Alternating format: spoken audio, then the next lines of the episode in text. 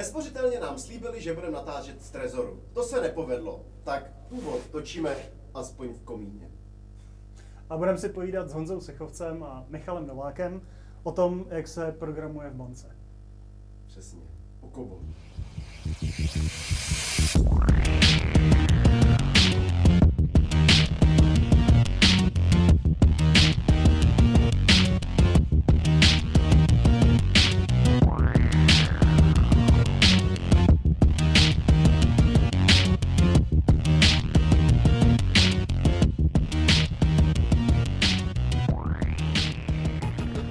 Tu druhý díl z Český spořitelny. Jako téma jsme si vybrali, jaký je to programovat v bance, nebo možná věci, které nás překvapí na to, co, co, eh, jak, jak blízko je, je bankovní programování tomu eh, běžnému firmnímu eh, programování. Máme tady Honzu Sechovce a Michala Nováka. Tak ahoj kluci. Čau. Eh, Možná teda teď... eh, Já bych začal digitálníma pankáčema, protože takhle já vlastně znám Ok. okay. Spošku a vás, jako jak to vzniklo a, a tak. To je strašně zajímavý, že vlastně po těch letech ty, eh, ten kult nebo koncept digitálního pankáče pořád jako rezonuje. My jsme se vlastně potkali, ale to už je nějaký rok 2014 možná, No, jo? na nějakém hackathonu a bylo to snad snad v Impact Hubu nebo něco takového. Kdy, a to byly vlastně ty, ty doby, kdy jsme začali stavět eh, webapy. Jo, začali jsme otevírat banku, že dneska už jsme to dotáhli do nějakého tady open bankingu, že máme dokonce i vlastní trička. A vlastně v té době se začal, řekněme, ten kult digitálního pankáče nějakým způsobem jako rodit. No, co to znamenalo? No. Ono, Jednoduše řečeno, když si jako představíš, že najednou chceš eh, té bance přinést nějakou úplně novou kapabilitu, což to API v té době jako bylo, že jo? A začneš říkat, že OK, tady jsou nějaký bankovní data, nějaký bankovní procesy, nějaké služby a produkty a já teď prostě dám k dispozici, řekněme, vývojářům, aby mohli i sami vzít kus té banky a dát to do své apky. Jo. Tak vlastně s tímhletím tématem se nám začalo rodit, že jsme se museli méně ptát, jestli můžeme, a víc prostě dělat a ukazovat příkladem, že pokud to uděláme správně, tak eh, můžeme i ostatním vývojářům, kteří prostě mimo bank pracují a potřebují platební služby, potřebují bankovní data, eh, přístupy prostě k bankovním službám nějakým programatickým způsobem, takže jim můžeme pomoct. A takže on to nebyl jako úplně pankáč, že by jsme měli číra, prostě nosili odsvokovaný jako bundy a chodili tady po boardroomu a zvraceli tam třeba něm něco podobného. Ale spíš to bylo, že děláme věci, které víme, že dávají smysl a moc se neptáme, jestli můžeme a čas ukáže, jestli to tak skutečně uh, ty naše myšlenky jsou správné nebo ne. No a dneska už je rok 2019, že jo, a, už máme za sebou PSD 2 a API bankovní je dneska víc než jako standard. Je to téměř jako běžná věc, která se začíná ukazovat, používat po celém světě. A nám se teda jako i ukazuje, že v té době jsme se moc nepletli, že to opravdu jako bude trend. No, jak to vzniklo, jsem ti zhruba jako řekl. Teď je spíš možná zajímavý, co to teda ve finále v, způsobilo v té organizaci.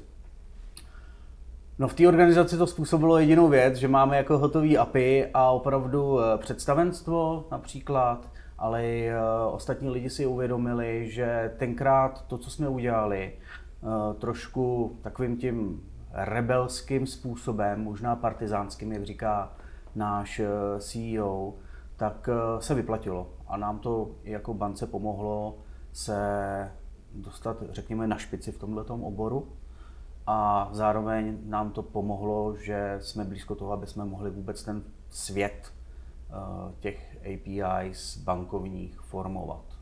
Mně přijde, že v tom jste asi v Čechách jako nejdál, že jako spoustu bank tady má třeba to PSD2 API docela dobrý, ale, hmm. ale vlastně vy, vy to, mi přijde, mi to máte nejdál všechno. Hmm.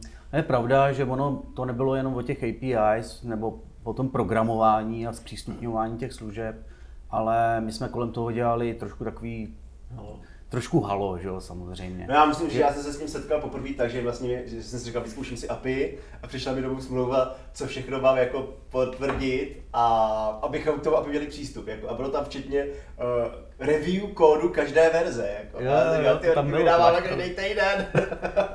to máš pravdu, to tam bylo, no.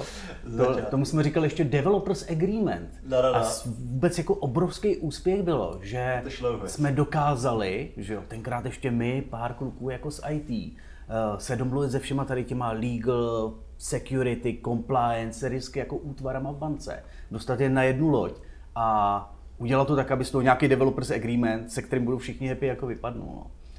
A k tomu PR, že my jsme byli hodně takový jako obvyklí podezřelí na všech těch hackathonech, který se mohli APIčka vůbec jenom trošku jako týkat. A začali jsme s tím jezdit po světě, no. Začali jsme, udělali jsme celou jako malinkou jednotku, eh, kde jsme měli připravený jako tolky a začali jsme vyjíždět ty světové konference, kde jsme o tom jako hovořili a pak si toho všimli Gartneři nebo kdo a dali nás v těch jejich kvadrantech někam jako vpravo nahoru, čímž se vlastně spečetělo to, že to začalo, zač, začalo zajímat i, i, jak to říct, slušně papaláše. Jo.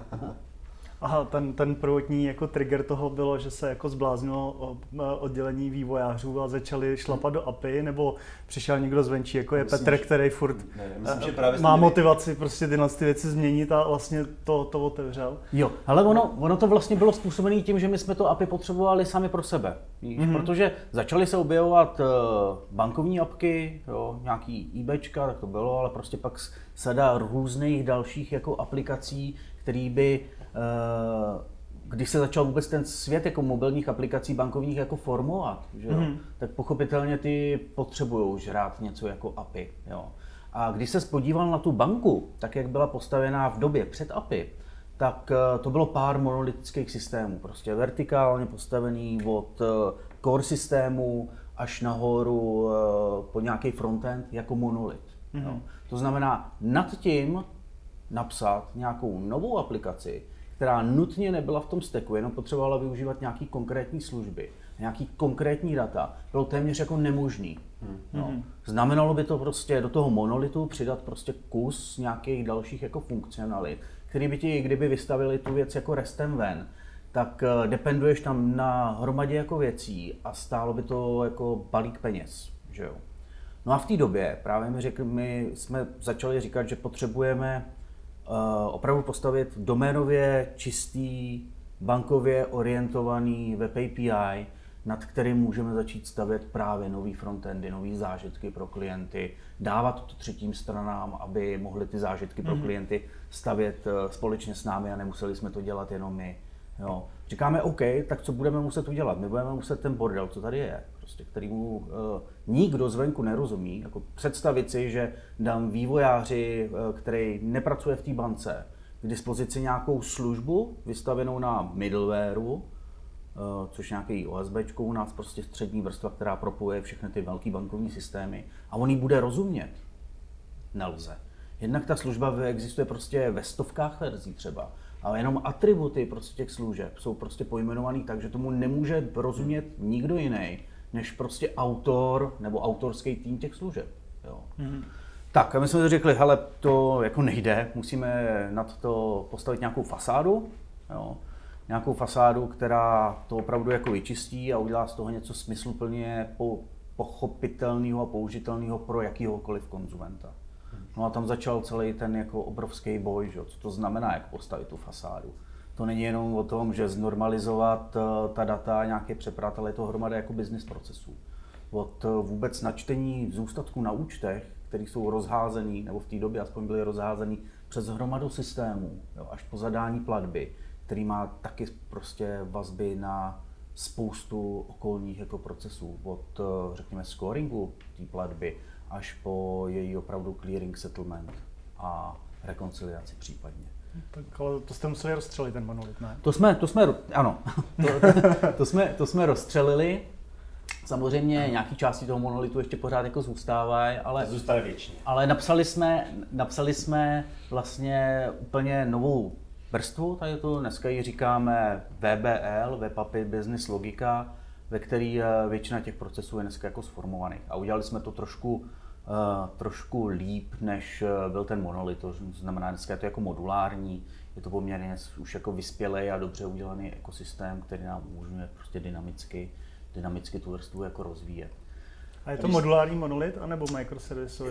No, Michale, co myslíš? Je to modulární monolit nebo je to microservisově orientovaný? Jako není to microservisově orientovaný, jo. Ale v, to až velký systémy se dělají mikroservisama. No.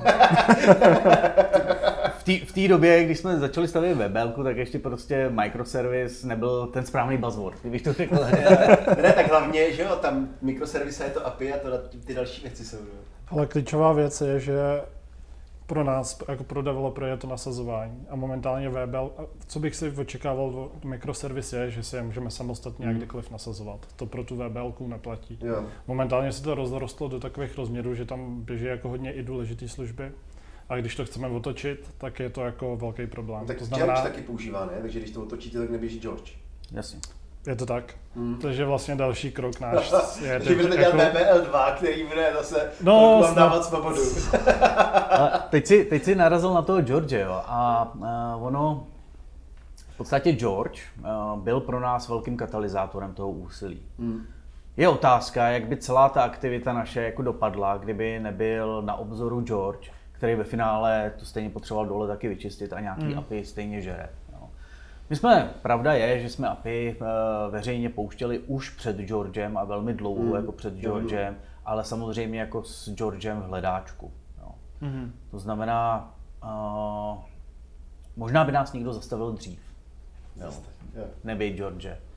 Naštěstí prostě všechno se to tak jako krásně sešlo, že uh, my, jsme, my jsme prostě fakt mohli s tou bankou trošku jako hnout, no, představit to.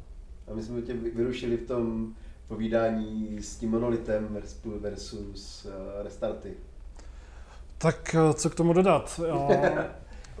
Staré služby na tom běží skoro všechny. Hmm. Některé se dále rozvíjejí, tak to je pain s nimi dělat, protože se musíme přizpůsobovat nějakému jejich uh, release kalendáři. Hmm. A i když jako vlastně už náš tým pracuje agilně, to znamená nějaký dvoutýdenní sprinty, tak si nemůžeme k tomu sladit třeba ty release, aby to vždycky bylo na konci toho sprintu. A je to prostě pain. Hmm. Takže vlastně nové aplikace a nový uh, APIčka, co děláme, tak už to té belky nedáváme a máme nějaký jiný prostředí. Například teď by to měl být ten OpenShift, kam bychom to chtěli spát, hmm. což už je skutečně jakoby uh, cloudová služba, ale zároveň není to jakoby mimo banku. Máme ten OpenShift nasazený na bankovním hardwareu a na bankovní infrastruktuře, takže ještě, to je schválené. Ještě zpátky k tomu VBL, co to jako to je? Javě napsaný, co, co to reálně jako znamená? Z, jak? Znamená to, že to je prostě XY nějakých modulů, každý modul je nějaká aplikace, ta aplikace běží na WebLogicu. Yeah. Uh, jsou nějaký sdílený WebLogicy, na kterých těch aplikací běží uh, X. Hmm. A samozřejmě WebLogic znamená JVM, JVM znamená Java nebo Kotlin a podobné hmm. jazyky. Takže většina toho je napsaná v Javě. Okay. A takže tam máte ten aplikační server a ty apky byly teda jako moduly do toho WebLogicu. Takže vlastně, když jste vydávali... Do té webelky. Webelky, okay. A, okay. a teď vlastně, jak často třeba se vydává nová verze? Uh, poslední dobou to bylo, už je to super. Uh, ty release okna jsou skutečně jednou za dva týdny, hmm. ale bývá to večer, nebo mimo business kritické hodiny a bývá to, že nám to úplně nesedí uh, to datum, kdyby jsme chtěli, protože tam jsou prostě silnější hráči, kteří tam mají důležitější moduly a ty si určili, kdy se jim to hodí. Hmm. Takže jelikož jakoby na té webelce šahá hodně týmů různých, tak se tomu všichni musí přizpůsobovat a nemůžou si to udělat tak, jak jim by to vyhovovalo. A když je release každý dva týdny, jakým způsobem potom probíhá třeba to testování, nebo kdy je code freeze, od jaké chvíle je, je to testování a třeba jak velkou část je automatizovaný, protože zase jako dva týdny release je docela jako často.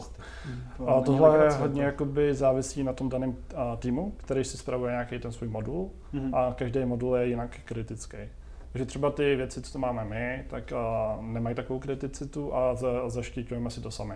Máme nějakou L2, nějaký provoz, která se stará o to technické nasazení a to, že skutečně se ten modul rozběhne, že než tam šel, prošel nějakýma automatizovanýma testama, že má nějakou code coverage. Hmm. Ale to skutečné otestování té funkcionality pak je na nás, takže dost často tam třeba večer jsme, aby jsme si to otestovali, že ty naše změny fungují. Jsou ale jako víc důležité aplikace, kde ten proces je víc striktní a je u toho víc lidí. Hmm. Asi tak. A tady teď dneska si říkáš, používáte OpenShift a na vlastních serverech teda? OpenShift na něj postupně přecházíme, je to jakoby nová aktivita v bance. Hmm. Uh, OpenShift je open source projekt, ale má podporu Red Hatu, to znamená nějakou enterprise support. Hmm. To máme od nich a vlastně je to rozjetý u nás na našich datacentrech. A jako DevOpsáci si nad tím, jelikož je to open source projekt, tak hodně do toho šahají a, a dělají tam nadstavbu tu, co potřebujeme. To znamená nějaký bezpečnostní procesy, schvalovací a tak. To znamená, OpenShift jede na Dockeru, potažmo na Kubernetes, který jede na Dockeru a tam se pracuje s něčím, čemu se říká Docker image. Takže my máme od nich nějakou sadu base imageů, hmm. Kde je předpřipravený prostředí pro Java, JavaScript, potažmo Node a další prostě věci, které používáme. Tohle jsou my, jakmile tam děláme nějakou aplikaci, nějak, a, tak a, tenhle image jde nějakýma jejich security toolama, nějak to skenuje a když všechno je v pohodě, tak to podepíše. Tenhle podepsaný image se pak může posouvat na další prostředí až do produkce. Hmm. Ale vlastně je to všechno automatizovaný, takže už ve výsledku je to plně v našich rukou. Posun mezi těma prostředíma a to, když se rozhodneme, teď chceme nasadit, víme, že ten dopad třeba není takový nebo je takový. A... Hmm. A zatím teda všechno je v nějakých vašich datacentrech. Dává vám tak. smysl tohle třeba jako outsourcovat, protože některé hmm. banky jako s tímhle koketujou a dávají to třeba do AWS. Samozřejmě jako otázka, která, která se s tím pojí, tak jak se skillingem, že jo? pokud to prostě máme jenom na našem železe, bychom měli OpenShift, tak uh, tam bychom mohli mít jako problém. Ale abych jako odpověděl na to, co se ptáš, tak outsourcovat, neoutsourcovat, my každopádně uh, OpenShift dneska umíme roztáhnout dynamicky směrem do veřejného cloudu. To znamená, máme postavený něco jako hybrid cloud, hmm. používáme Azure, uh, kde máme normálně direct linky eh, z našeho datacentra přímo jako do Azure, do Azure, do datacenter v té availability. To znamená jako VPN, anebo to fakt máte jako... Jo, takže VPN. No, je to, je to VPN. Okay.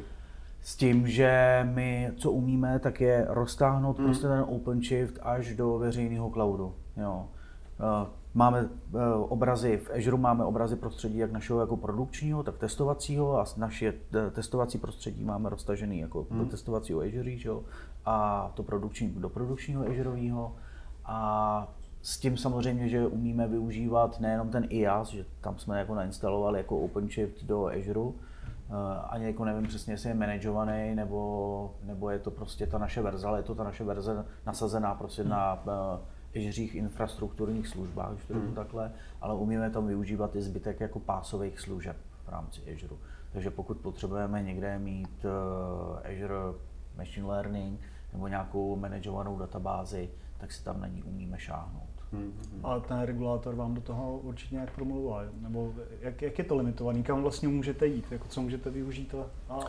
Hele, uh, regulátor určitě do toho nějakým způsobem promlouvá.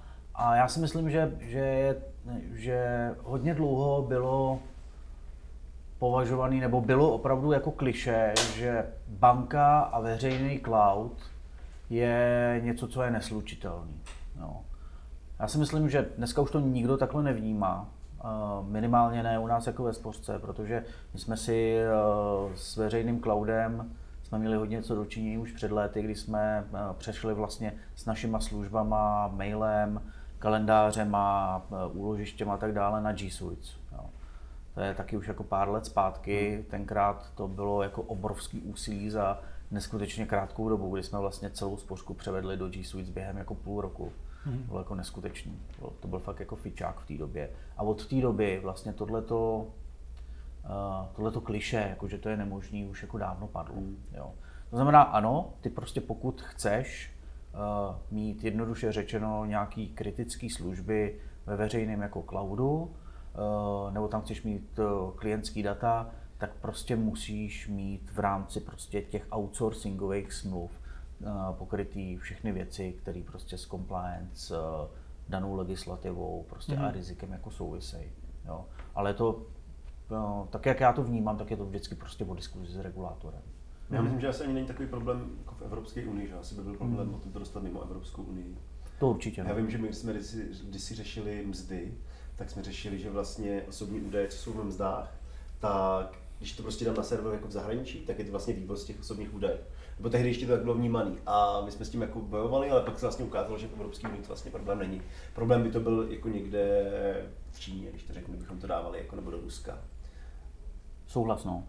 Tak díky bohu všechny eh, provideři velký cloudový už prostě tu Evropě, no. availability v Evropě mají, takže je to vyřešení. Zajímavé, že ještě nějaký žádný není jako v Praze třeba. No.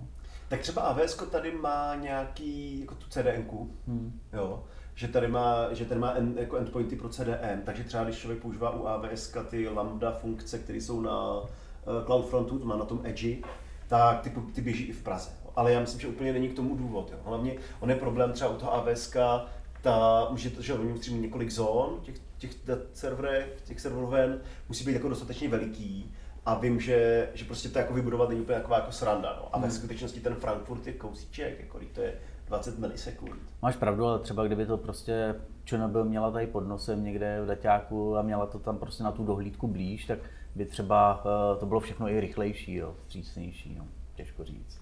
Zpět... A je pravda, do Frankfurtu je to kousek. jak zpětně hodnotíte ten uh, přechod na, na G Suite? Vyplatilo se vám to, nebo jak to i třeba lidi při, přijali? Hele, uh, neskutečná kulturní změna. Neskutečná. Když jako, když jako, když pominu prostě efektivitu vůbec, jo, že najednou můžeš tvořit jeden dokument s ostatníma lidma třeba hmm. a sdílet ho s ním, nebo že prostě na mail se dostaneš i z mobilu, jo, tak eh, to samo o sobě bylo super, ale kulturní změna, kterou to vyvolalo, že prostě lidi spolu spolupracují, je neskutečný. Jo. Na začátku byl proti tomu fakt jako brutální odpor.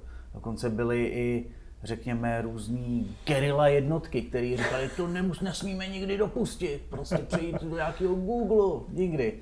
No a nakonec tohle se všechno jako vyčistilo a všichni jako pochopili, že to je cesta kupředu. No, Takže po, pomalu čas zase opouštět Google, ne? no, Google co... už není, nepřestal být, přestal nebýt evil. Třeba ten Drive, my jsme taky na, na G Suite a jsme že jo, firma o 50, o 50 lidech, ale na tom driveu už jako začíná být docela jako dost plno, takže jedna věc jako organizace té struktury ne, ne, a druhá, druhá věc je, no ne, myslím si, že to máme jako dobře organizovaný, ale stejně jako do, dohledat ten dokument, hmm. On není úplně nejrychlejší, ten, ten je, drive, jo. Je, jo, takže když potom se máš doklikat do té dobře strukturované složky, ale třeba na, na jako sedmou, osmou úroveň, tak to není jako úplná legrace. No. Máte na to nějaký jako Ne, nemáme, no, nemáme. Můžeme udělat, stejně. můžeme udělat nějaký rozhovor eh, s klukama z Revolgy, což je Netmail, který vám pomáhal nasadit to AWS, na ten Juicy.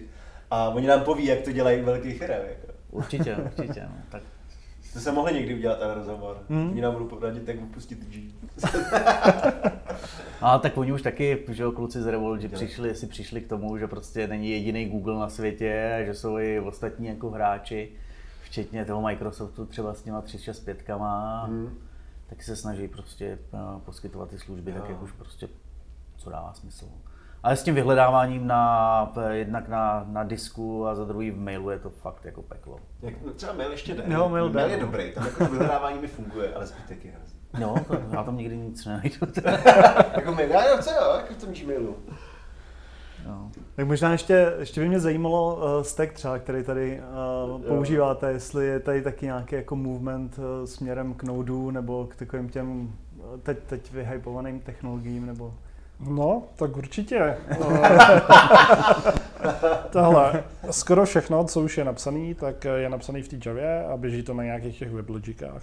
Nové věci, aspoň co děláme my, tak už píšeme v Kotlinu, mm-hmm. protože musíme eh, to rozjíždět na stejných těch prostředích, ale eh, jelikož se začíná rozjíždět ten OpenShift, tak ten nám dá větší možnost mm. výběru toho, v čem to píšem. Mm. Já bych byl moc rád, kdybychom to třeba začali psát víc v tom Node, a v těchto dalších volnějších technologiích.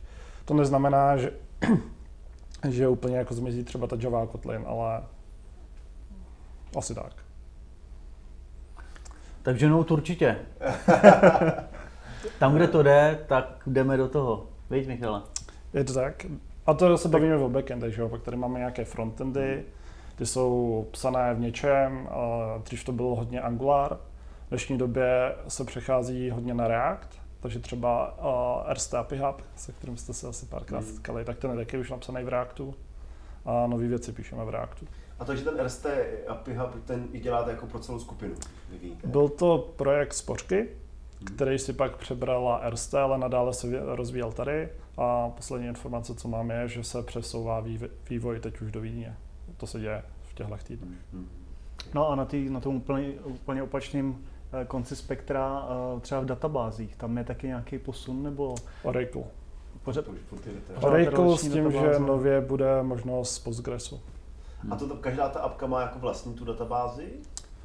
Uh, máte jednu velikánskou? Je manažovaný velký Oracle, kde jsou jednotlivý schémata pro... pro ty, jo, že z hlediska Postgresu by to byla vlastně vlastní databáze. Tak, ale je, je těch Oracleů nebo prostě těch domén je víc, hmm. jo.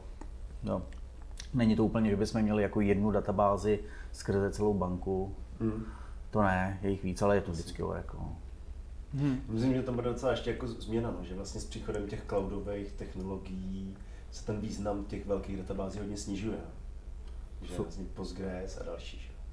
To souhlasím, no. Hlavně no, v cloudech máš prostě databáze s úplně novýma technologiemi. Když jako řeknu jako příklad, tak my teď jednu ze služeb chceme stavět v AWS. Hmm a v AWS z jednoho prostého důvodu, protože ta služba, kterou, kterou plánujeme, tak potřebuje zapisovat někam jako transakce do účetní knihy. No, normálně máš jako bankovní ledger, který prostě musí mít několik zásadních vlastností. Jedna z těch vlastností je, že je imutabilní. To znamená, co tam napíšeš, už prostě nelze změnit to tam jednou jako provždy. A nechceme to dávat do blockchainu. Jo? No a právě AWS teď tak má novou technologie, která se říká Quantum Ledger databáze, což je v podstatě centralizovaná databáze, nebo centralizovaná, je to prostě databáze, která přesně tyhle ty příznaky nebo tyhle ty hmm. přívlastky, ty immutability má. dává AWS k tomu. Přesně tak. Hmm. No, takže, takže pro nás to znamená, že nemusíme řešit prostě hromadu uh, jednak business a transakční logiky kolem uh, nějaký legacy anebo uh, obyčejný databáze, když to řeknu takhle, ale můžeme použít technologii, která je přesně určená tady pro ten case. Jo. To je dobrý. Je pravda, že ta záruka, že se nestratila žádná transakce, není tak úplně triviální úloha. No jasně, přesně. Protože ta úloha je, patří, to je snadný, ale že si, že zmizela. No. Ještě by mě zajímala taková urban legend, jak se říká, že v těch bankách sice nahoře jsou ty krásné webové API a tak dále, ale někde tam dole v tom sklepě pořád běží ještě sálový počítač a veškerý ty základní úlohy počítá nějaký COBOL nebo Fortran a to, to, se, to se prostě, na to se nešahá, protože to pracuje. Je, je na tom pravda, nebo, nebo, uh, nebo i tyhle ty core systémy se postupně, postupně jako transformují do něčeho no, novějšího, minimálně co se týče potom nějaký, jako najít třeba COBOL, Fortran, programátora v dnešní době ještě jako lze, ale za deset let už třeba s tím bude ještě větší, větší problém, tak třeba i tohle, eh, jakože by se postupně přepisovalo. Pro někoho příležitost možná. to je zajímavé, chceš být dobře placený. A, a, a, co myslíš, je nebo není? No to bych se... Já bych si typ, že je. Já taky asi bych. Ale je, no, samozřejmě, že je, protože jeden z velkých systémů, teda ze kterého postupně odmigrováváme a už jsme skoro odmigrovali, tak eh, to je prostě věc běžící na mainframeu a je napsaná jako v Kobolu. A je to prostě zásadní, nebo byl to zásadní, a ještě pořád je zásadní core systém jako banky. No. Takže no, to nejsou jenom jako legendy, to v skutečnosti tak. To je jako když je strom, že když mu za mladá uřízneš větev, tak ještě když je velký, tak je tam pořád vidět ten uřízlíš. no. A když už je potom velký, silný, tak je tam ta je to tak. No. základ. Myslím si, že prostě toho legacy v těch bankách je opravdu fakt celá řada. No. A já jsem to vlastně tak, tenkrát takhle říkal s těma, s těma jako apíčkama, že jo? protože tady máš jako to, to uhlí, tam jsou ty dneska jako data, že jo, a postupně takhle to stavíš a nahoře jako ti rostou jako atomové elektrárny. Jsou ty apíčka, ty všechny aplikace a mobily a frameworky moderní a já nevím co jako dalšího. ale pořád potřebuješ dolů jako jezdit pro, ty, pro to uhlí a ty data si jako vozit nahoru, ne? No ale z pohledu jako stratigrafického, že jo, prostě vrstev zemský kůry, tak každá vlastně nová ta vrstva tak přináší nové funkčnosti, ty starý jako překrývá a zároveň přináší prostě tomu ekosystému celému jako nové vlastnosti. Jo. A jak nám takhle prostě stratigraficky budou ty vrstvy růst, tak se jednoho dne prostě stane, že pro ty data už dolů nebo pro to uhlí jako jezdit nebudeme ten důl Paskov prostě zavřem. No. Ale tak tam už se nějaká vývoj. takováhle změna asi musela odehrát, ne? Protože já, jako moje naivní představa je, že dřív fungovaly jako velký dávkový přepočty hmm. třeba v noci a tak dále, ale teď už, teď už se ty věci dělají dost online, že jo? To je znamenalo, že... Pořád je tam sériová linka, se kterou to komunikuje s tím aplikačním ale serverem. Ale to, to jsem musel protáhnout Ale asi, asi, by si, asi by si nechtěl, že jo, když eh, vy si tady zavoláte naše krásný API, který vám vrátí zůstatek, tak aby to proudilo až nikam prostě do toho mainframeu a tam jsme vytáhli z pásky to jedno políčko, kde je jako zapsaný a zobrazili, těho, protože to by ses nedočkal asi. Jo, takže ano, jo, jo, jo. samozřejmě, že prostě už eh, se to celý jako posouvá, posouvá jako vejš. No. Dobře, tak Urban Legend žije. ne, ne, to, je, to je zajímavé jako poslouchat, že vlastně vy vytahujete ty data z těch primárních vejš vlastně a tam kešujete i a podobně. No. To je zajímavé si člověk jako představuje, jak se to vypočítává, hlavně vždycky, když jsou takový ty vyjádření veřejný, jak jako, no my děláme přepočty v noci, říká, jaký přepočty, to ještě člověk se nedokáže představit. Hmm. Jinak co se týká technologií, tak eh, jako já myslím, my máme obrovský IT, my máme jako 1200 lidí v IT, jako Brutus, no. Z toho třeba jako 600 developerů, bych řekl, no, možná 700, obrovský IT že jsme jenom, jako nejenom v Praze, ale i v Jihlavě a ještě v dalších městech máme jako hmm. nějakou prezenci, co jako se týká IT. A technologií, spíš by bylo lepší se ptat, jaký technologie u nás nemáme, jo, protože já si myslím, že tady je úplně všechno a něco dokonce dvakrát. Takže no. prostě máme Hadoop, no jasně. No. jo, data. To ještě samotný téma. Okay. Dobrá já myslím, že asi jsme snad probrali všechno, půl hodina uplynula. Tak já hledáte lidi, pro, řekněte si promo, jestli někoho hledáte konkrétního. Ale hledáme, hledáme, hledáme AWS Cloud architekta slash developera. Právě aktuálně. jo. Se nám to nechce všechno jako učit z té dokumentace, protože ta učící křivka nevypadá, že bude úplně strmá, tak eh, bychom chtěli pomoct. To je škoda, mě zrovna vypršela certifikace. Hmm. Minulý termín přišel mail. Sorry. je. Tak příště. příště. Okay. Tak jo, tak díky, díky za rozhovor. Díky. Čau. Čau. Čau.